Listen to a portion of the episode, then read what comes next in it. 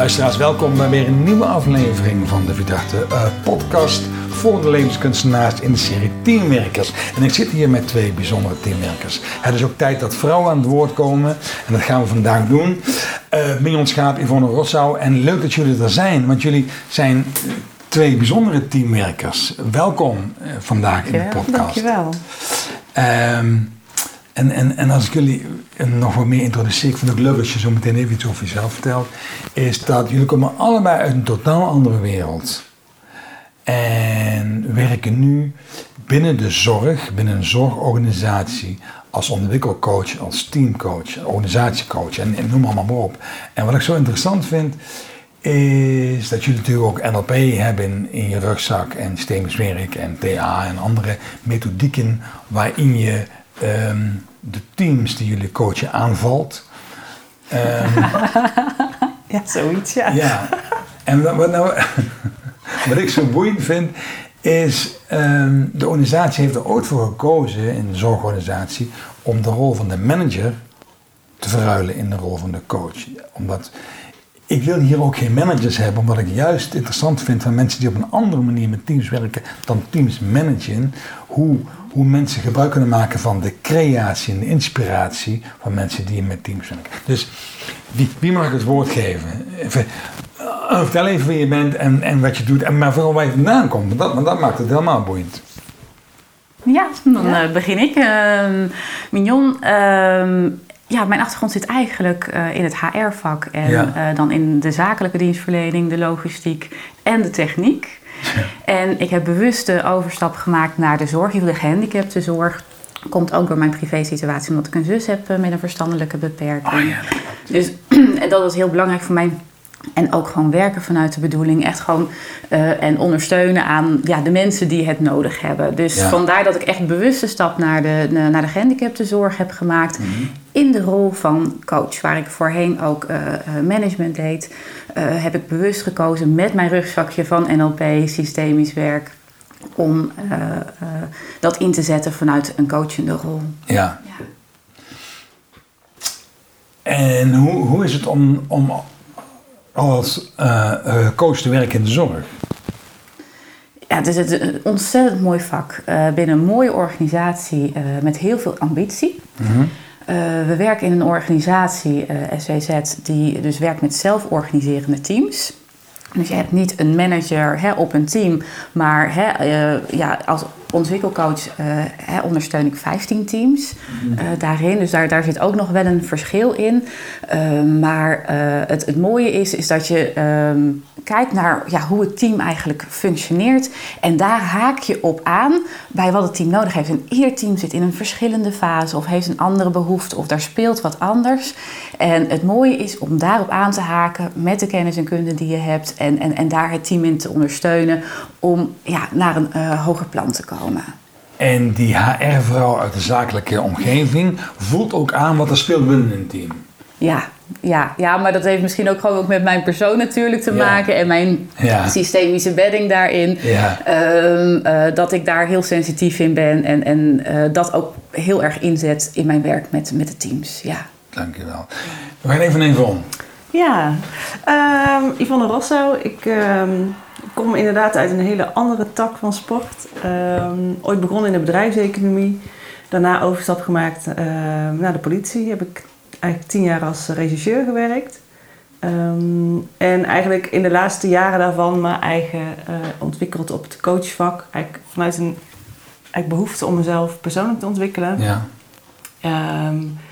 En eigenlijk dacht ik op een gegeven moment bij de politie van ja, dat, daar zie je zoveel ellende. Dat ik dacht, het wordt voor mij tijd om iets anders te gaan doen. Want Ja. mijn wereld wordt anders wel heel beperkt in hoe ik de wereld uh, zie. Ja. Um, en eigenlijk op zoek gegaan naar een uh, vacature in het coachvak. En uh, zo eigenlijk de zorg ingerold. Dus dat is eigenlijk niet eens zozeer per se bewust een keuze geweest om de zorg in te gaan. Maar ik merk wel dat de zorg echt bij mij past. Ik vind het een hele fijne branche. Um, deels omdat ik merk dat ik ook op een andere manier weer iets bijdraag aan de maatschappij. Mm -hmm. uh, maar ook omdat ik uh, ervaar dat de mensen die in de zorg werken, dat zijn, ja, die hebben echt hard voor hun vak. En daar hou ik van. Ja, Er zit echt passie in, ook al is het soms echt heel pittig. maar het is wel echt. Maar het is wel echt. Het zijn pure mensen. Ja, dat snap ik. Mooi dat je dat zo zegt. Daar hou ik van. En wat is. Wanneer is een team een goed team? La- la- la- Laten we met de belangrijkste vraag beginnen. Voor mij is een team een goed team als ehm, ze vooral oké zijn met zichzelf en met elkaar. Ehm, en vanuit die basis eh, kunnen werken aan de doelstellingen die ze hebben, maar ook de, ehm, de functie die ze uit moeten voeren. Dus bijvoorbeeld bij ons, eh, onze teams die hebben of eh, voornamelijk eh, mensen, cliënten die dagbesteding bij hun volgen of cliënten die bij hun wonen. Ehm, en onze, de visie van onze organisatie is ook, eh, daarom gebruiken we zelf organisatie als middel. De visie is dat de vakmensen zeg maar weten wat het beste is voor de cliënten. En wij willen zoveel mogelijk regie daar bij hun laten. Eh, en wat ik dan ervaar als een goed team, dat is een team wat ehm, echt goed reflecterend vermogen heeft, elkaar ook durft aan te spreken, eh, autonoom is in de beslissingen die ze maken. Mhm. Altijd zien dat ze nog opties hebben, ook al lijkt dat misschien eh, in eerste instantie niet. Ja. Ehm, en daar ook elkaar helpen groeien. Hmm. Dat zijn voor mij de basispunten van een, een goed team. Je begon je verhaal hiervan met ehm, oké met zichzelf en, Ja. en oké met elkaar. Ja. Wat is dat dan? Ehm, nou, weet je, het gaat over de basishouding van ik oké, jij oké voor mij. Ehm, Ja. En dat kan je dan ook, weet je, als mensen oké zijn met zichzelf, dan durven ze zich ook kwetsbaar op te stellen. Is mijn overtuiging. Ehm, en vanuit die kwetsbaarheid kunnen ze in verbinding met de ander. eh, waarbij ze de ander ook als oké zien. Eh, en vanuit die verbinding ehm, kunnen ze dan eigenlijk werken aan, aan hun eigen ontwikkeling, maar ook aan de ontwikkeling van hen als team. En kwetsbaarheid is heel belangrijk. Ja, ja. En wat als mensen de ander nu niet oké vinden? Ik bedoel, ik, ik loop ook in teams rond waarbij ik mensen zie die, die elkaar niet oké vinden. Ja, nou ja, dan heb je eigenlijk Voor een niks. basis voor een eh voor gedoe. En daar heb je ook mee te maken. Ja, zeker. Heel veel, ja.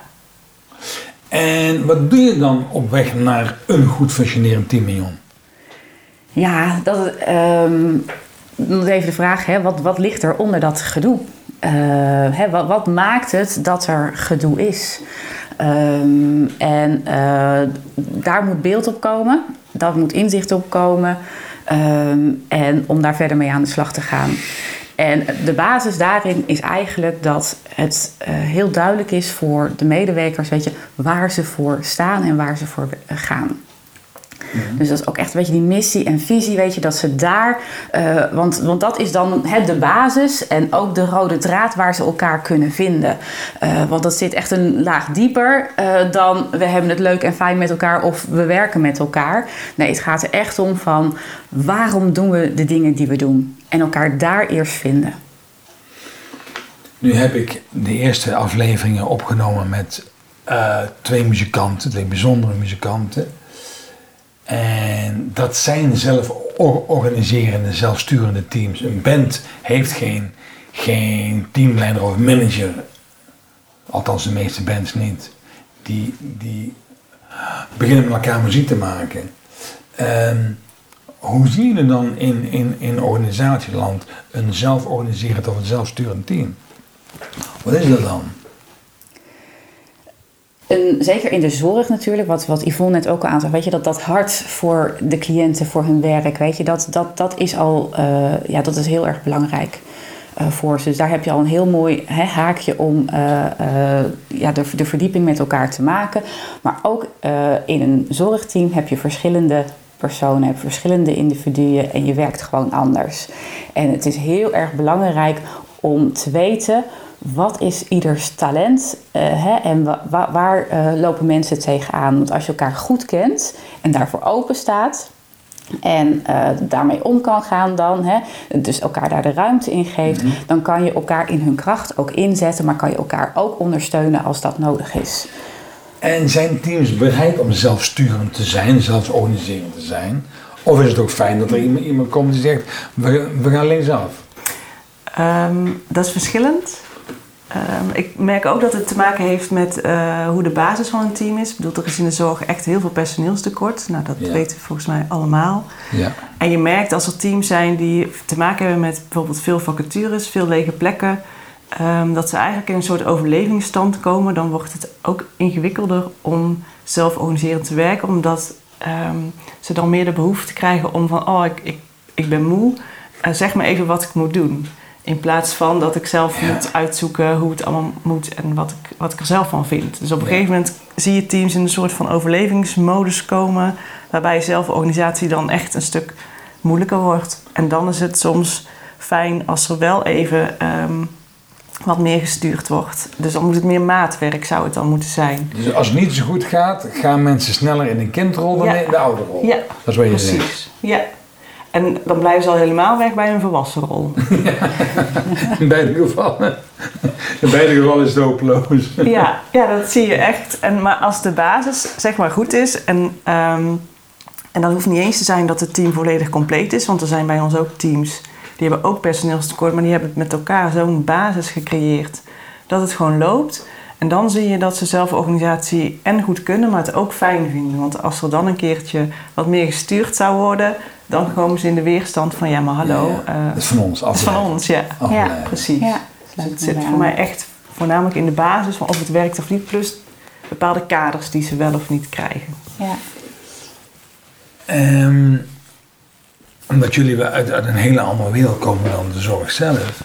Ehm, is het nou zo dat zelforganiserende team of zelfsturende teams ingevoerd is om echt de verantwoordelijkheid bij de expertise te leggen van de teamleden op de werkvloer? Of is het ook een bezuinigingsmaatregel? Dat hoor ik ook vaak zo van dat dat, dat, dat, ehm, ehm, dat ook de reden is om onder een laag tussenuit te snijden. Dus ik, ik- ik ben benieuwd wat de voor- en nadelen zijn van zelforganisatie.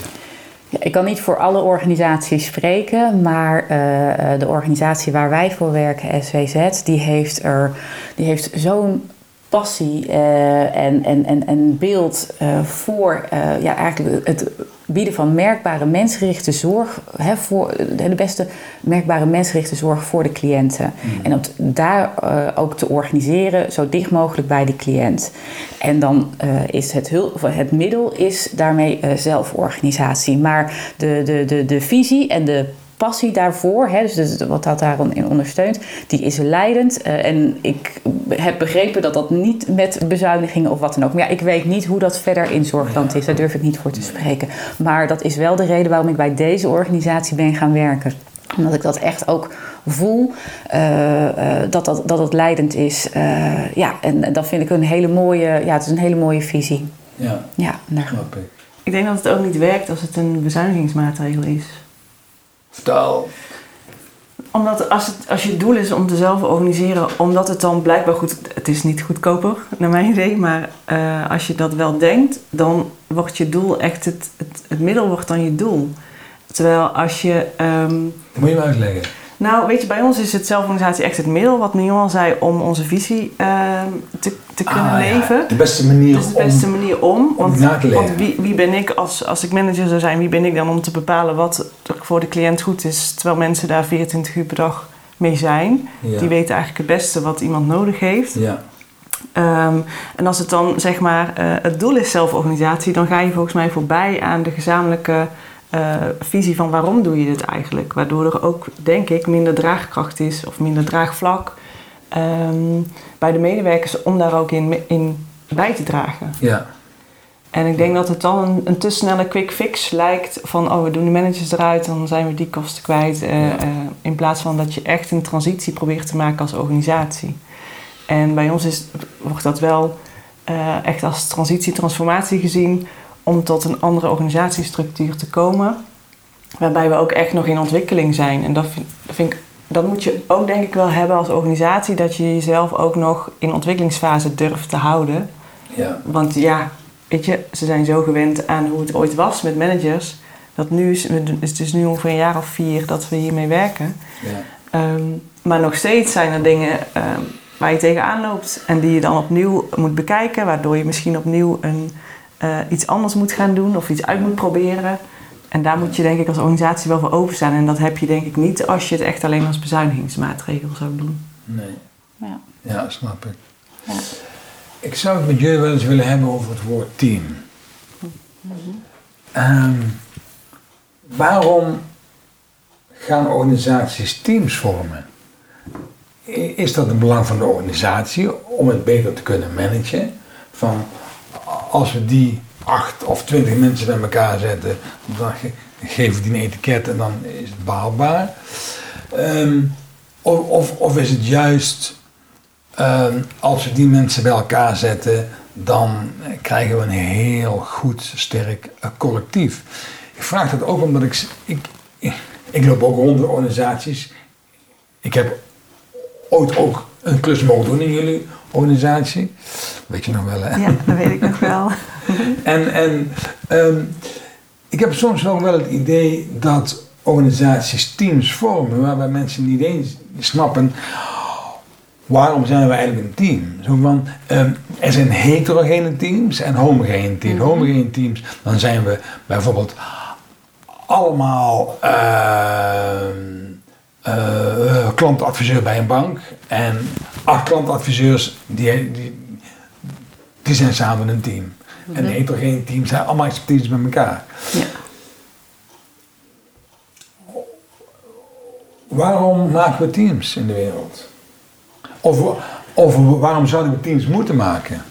Ehm, ik, ik denk dat dat ook wel te maken heeft met ons mensen, wat wij, wat wij als mens nodig hebben. Dat we toch een soort van. We moeten een gezamenlijk doel hebben of zo met elkaar. En, we, en het is heel belangrijk ergens bij te horen. Oké. Eh, Dus ik denk dat dat ook wel een behoefte is die vanuit mensen komen. Eh, dat, hè, eh, dus dat, dat, dat ondersteunt ook het, het, het team zijn, het, het teamgevoel. Ik denk dat het voor organisaties misschien ook fijn is om, ja, in plaats van hè, heel individueel, dan hè, moet je heel veel mensen tegelijk gaan bereiken. Dus als je daar wat meer in clustert, ehm, dat je daar ook wat meer op kan inspelen. Dus we zijn groepsdieren, zeg je eigenlijk ook. Ja, We komen uit gezinnen, dus we snappen ook dat we ergens bij willen horen. Ja, we, we- zijn altijd onderdeel van een systeem. Ja. En is het dan juist fijn, Yvonne, om eh, eh, conflicterende mensen juist bij elkaar te zetten? Of is het juist fijn om mensen bij elkaar te zetten die als het ware op dezelfde tandem fietsen, waardoor ze dezelfde beweging maken? Nou, misschien wel beide.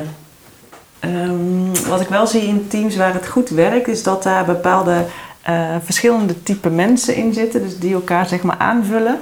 En dat kan een basis zijn voor conflict, maar dat hoeft niet. Ja, Ehm, en als je zeg maar teams hebt die allemaal hetzelfde neigen te doen, dan is er ook een heel stuk wat, wat niet gebeurt. ja, Ehm, als ik dan naar ons eigen team van coaches kijk, ik, ik werk dus met Mignon samen onder andere.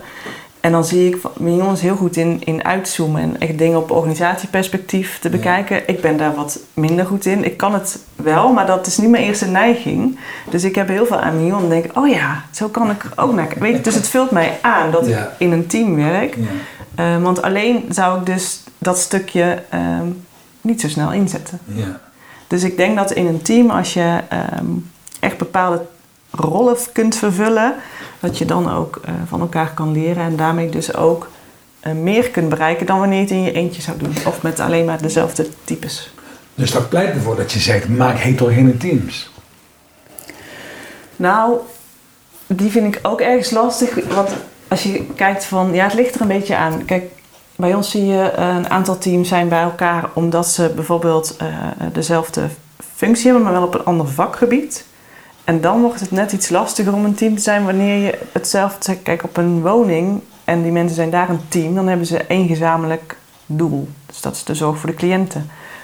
Als je een team hebt van adviseurs die allemaal een eigen vakgebied hebben, dan is je doel wel advisering zeg of adviesfunctie, maar niet in het vakgebied. Dus daar kunnen ze elkaar minder goed vinden.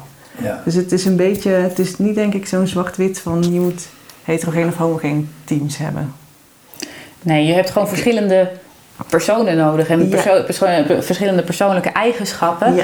En hè, je had net even over het conflict, maar het is eigenlijk wel goed als het af en toe gewoon wat schuurt Ja. met elkaar. Want dat houdt je ook gewoon scherp.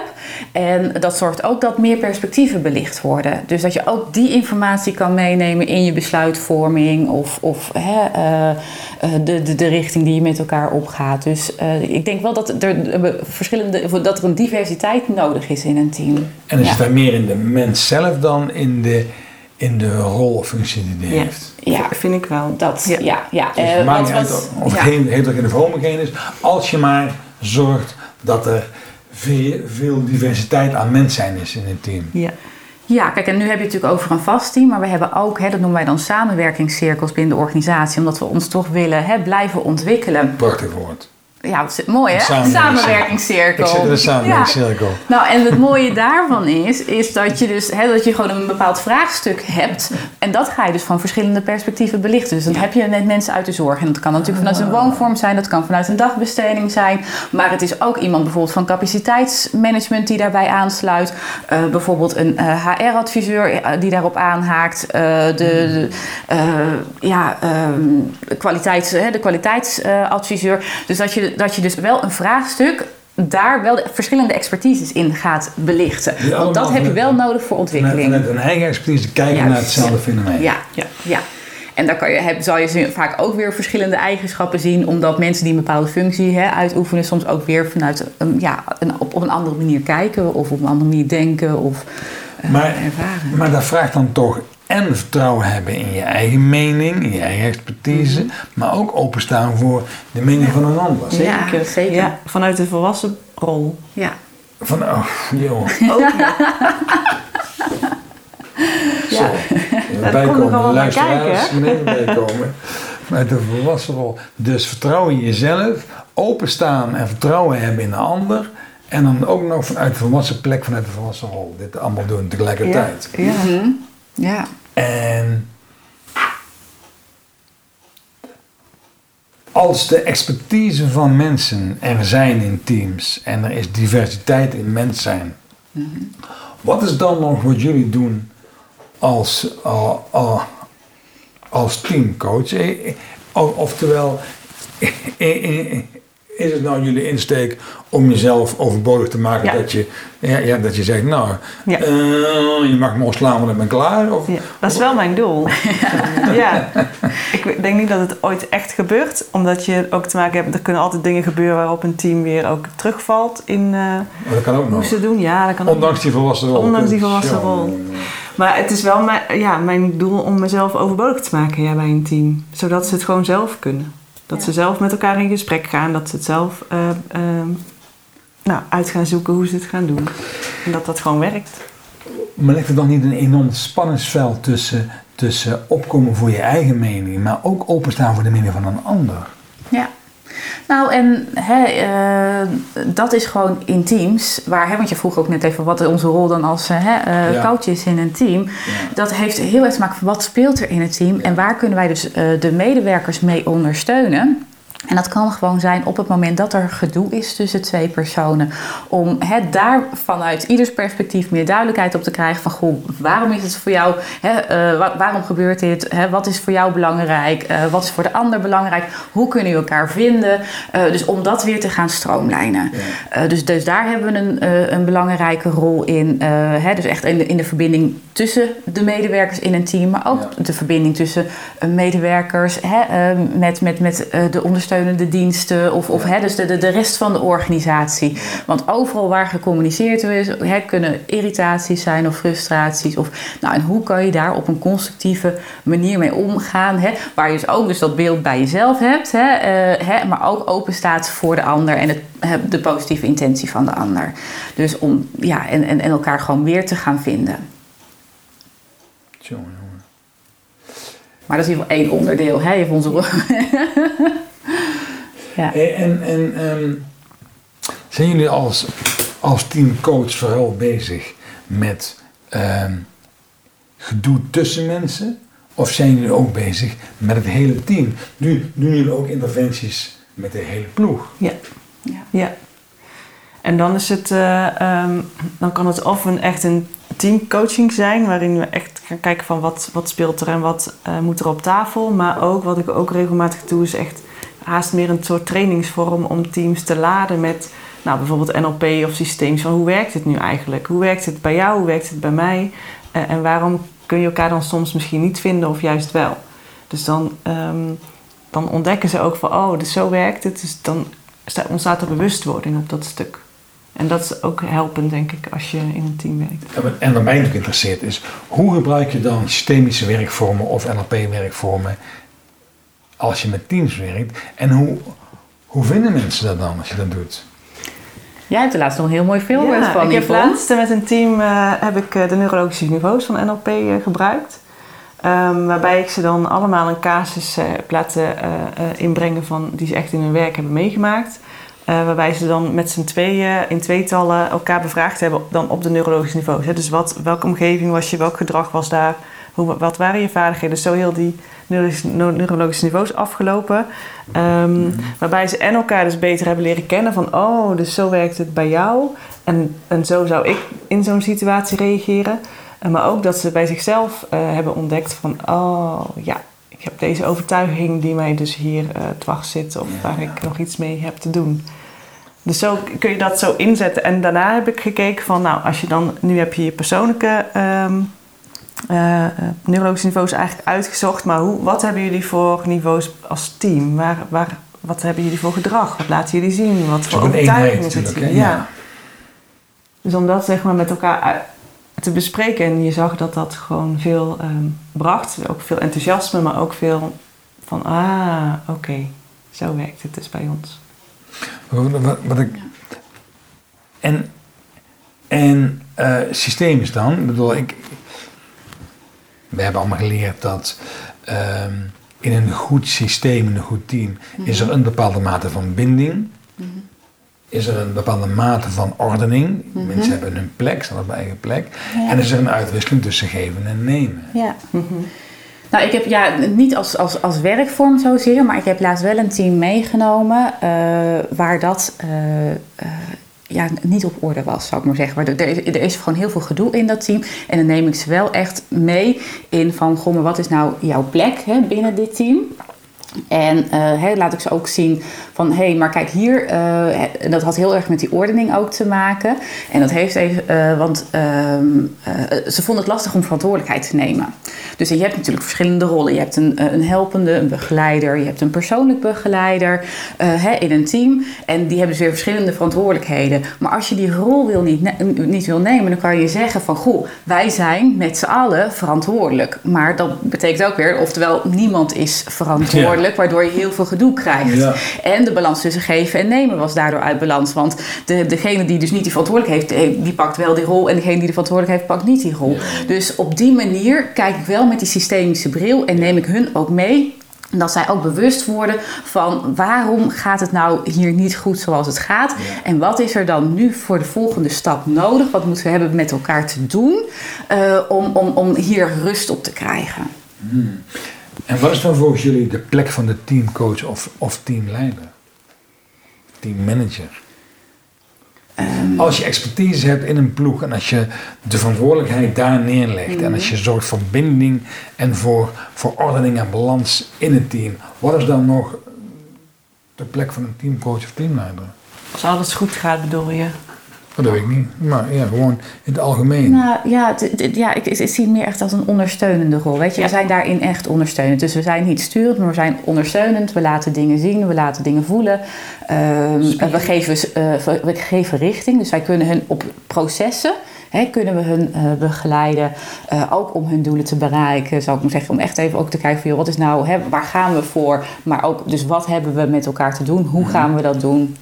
En hoe blijven we elkaar daarin ontwikkelen? Dus ook om dat proces te begeleiden, daar, uh, ja, daar geven wij die ondersteuning in. En dat is even vanuit onze expertise. Maar het is wel, kijk, uh, um, het, het, team moet jou ook uh, die plek geven om dat te mogen doen. Ja. Dat is niet altijd het geval. Dus dat is ook nog, daar is ook vertrouwen. Zoals vertrouwen heel erg belangrijk is in het team als, als die basis. Dat vraagt ook weer op contractering. Mm, ja. Zeker. Ja, snap ik. Hey, en um, ik had een hele goede vraag. Oh, sorry. ik denk, die was echt keigoed. Oh, Heb ik er doorheen gepraat? nee, nee. Zit in mijn hoofd, joh, die vraag. Ehm, nou ja, ehm, eh, ik vind wat jullie doen best uniek in de zin van, daar komt die vraag weer aan. Ehm, heel vaak zie ik teamcoaches van buitenaf gehaald worden om in een team iets te repareren. Zoals eh, de, de ehm, loodgieter bij mij thuis maakt wat ik zelf ook niet kan. En ik reken af en- en die gaat weer.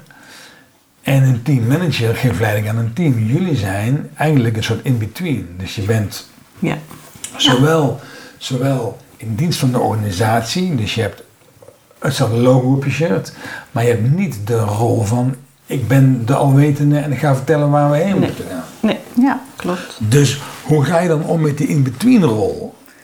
Ja, dat is wel iets wat, wat, waar hè, altijd spanning op zit en hè, eh, waar we bewustwording op hebben. Dus ehm, heeft ook daarin gewoon met rolduidelijkheid te maken en daar eh, de verwachtingen in managen. Ehm, om dat ja, in goede banen eh, te leiden. Ja. Maar soms, weet je, willen toch de teams, zeker als het hè, wat minder gaat met een team, willen ze toch graag die sturende rol ook van ons als, als coach hebben. Ja. Ehm, en dan is het heel belangrijk om daar niet, niet in te trappen, zou ik maar zeggen. Ja. Eh, Dus dat je daar buiten blijft. eh, zodat wij echt onze rol met, vanuit onze expertise kunnen blijven vervullen. Eigen plan. Ehm, ja, maar daarin ook, weet je, die, die, die managers zijn er niet meer. Maar dat waren wel een soort van de verbinding tussen, tussen de, hè, het bestuur en, en de medewerkers. Ehm, en ja, en dat, dat, dat ja, vraagt ook nog wel eens wat van ons. Hè? Want eh, soms word je dan toch aangekeken alsof, ja, maar jij bent toch hè, eh, de organisatie. Dus Maar we zijn natuurlijk- even. maar we zijn natuurlijk met z'n allen zijn we de organisatie. En, en ik kan me voorstellen dat bestuurders ook soms een neiging hebben. Die weten natuurlijk ook heel goed dat ze een laag van hebben vervangen door andere expertise, namelijk coaches. Maar ik kan me ook voorstellen dat eh, bestuurders soms een neiging hebben om je toch te vragen om managementgedrag te vertonen. Klopt. Dus het vraagt van ons, als je het dan weer systemisch bekijkt, om echt op onze plek te blijven en, en niet op een andere plek te gaan staan die niet Ja. van ons is. Ja. Ja. En dat is ook een stukje, ook weer als coach zijn naar jezelf kijken en Ja. eh, wat wordt Ja. er bij mij dan weer getriggerd op bepaalde momenten. En wat Ja. doe ik dan? En soms trap ik er volledig in en eh, soms zie ik het van tevoren aankomen. Maar ja, dat is ook hoe het is. Je kunt En- altijd weer terug naar die volwassen plek. Precies. Net. hè. Daarom. Ja. Sorry Mion. Eh, wat nog wel even, hè, ook als kanttekening, want onze rol is echt ontwikkelcoach. Dus eh, het is enerzijds hè, zijn we coach voor de teams, maar we zijn ook eh, coach voor de organisatieontwikkeling. Dus het is, eh, dus, dus eh, ja, daarin hebben wij ook wat te doen. eh, hè, als hele organisatie, maar ook eh, richting eh, hè, het bestuur van de organisatie. eh, om, om daarin de verbinding te leggen en, en, en eh, ja, die, die ja, ontwikkeling verder te faciliteren. Ja. Dus ook als er zo'n beroep op ons wordt gedaan van, hè, om in die managersrol te stappen, dan is het eigenlijk aan ons om te kijken van, oh, waar, waar komt dat beroep nu vandaan? Wat Ja. zegt dat dan over de processen misschien in de organisatie die nog ontwikkeling nodig hebben? Ja. En wat voor advies geven we dan om het anders te doen? Vanuit een coachende Vanuit bril. de coachende bril. Ja. Ja. Ja. Ja.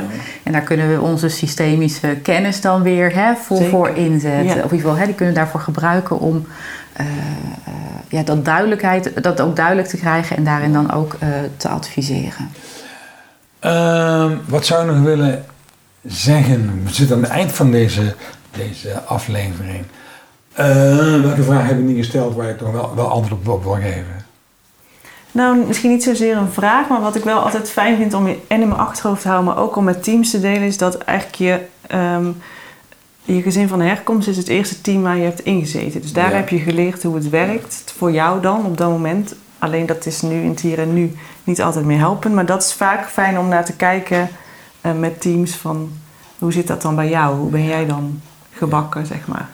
Ja. Ja. Ja. Zo- oh, zoals, ja, deze collega is hier, hier ook weer het oudste kind hoor. Ja, Nou, precies. nou, lekker dan. Ja. Dat. Ja. Iets anders nog wat je wil aanvullen? Ehm, nee, kijk, ja, daarom, we zijn allemaal teams, we zijn allemaal systemen. oké? En ik denk echt dat uh, op deze manier we hele goede ehm, zorg kunnen leveren voor de cliënten van ons. Maar ook onze zorgmedewerkers, die zijn hè, als team, uh, zijn ze ook een team met de cliënt en bijvoorbeeld de verwant. Hè, die vormen natuurlijk daar ook weer een, een, een, samenwerking. Dus je hebt verschillende teams eigenlijk, hè, verschillende driehoeken en, en, en, en, en cirkels met elkaar. Wat een organisatie maakt. Dus we hebben ja, heel veel verschillende teams. Uh, en uh, daar kunnen wij heel mooi werk doen. Zeker. Ik heb je er mogen meemaken in de opleiding teamwerking. Ik heb je mogen meemaken in de NLP-opleiding, in de systeemsopleidingen. En over een heel leuk om je nu hm. ook, ook te spreken met je uh, expertise als ontwikkelcoach binnen SPZ. Dankjewel Mignon Schaap, dankjewel Yvonne Rosso. Dit was weer de aflevering van de Vierdachte podcast voor de levenskunstenaars. Deel 3 van de serie Teamwerkers. Luisteraars, tot de volgende keer. With a little luck, we might just catch your tailwind. Hey fellow traveler, keep traveling, keep traveling.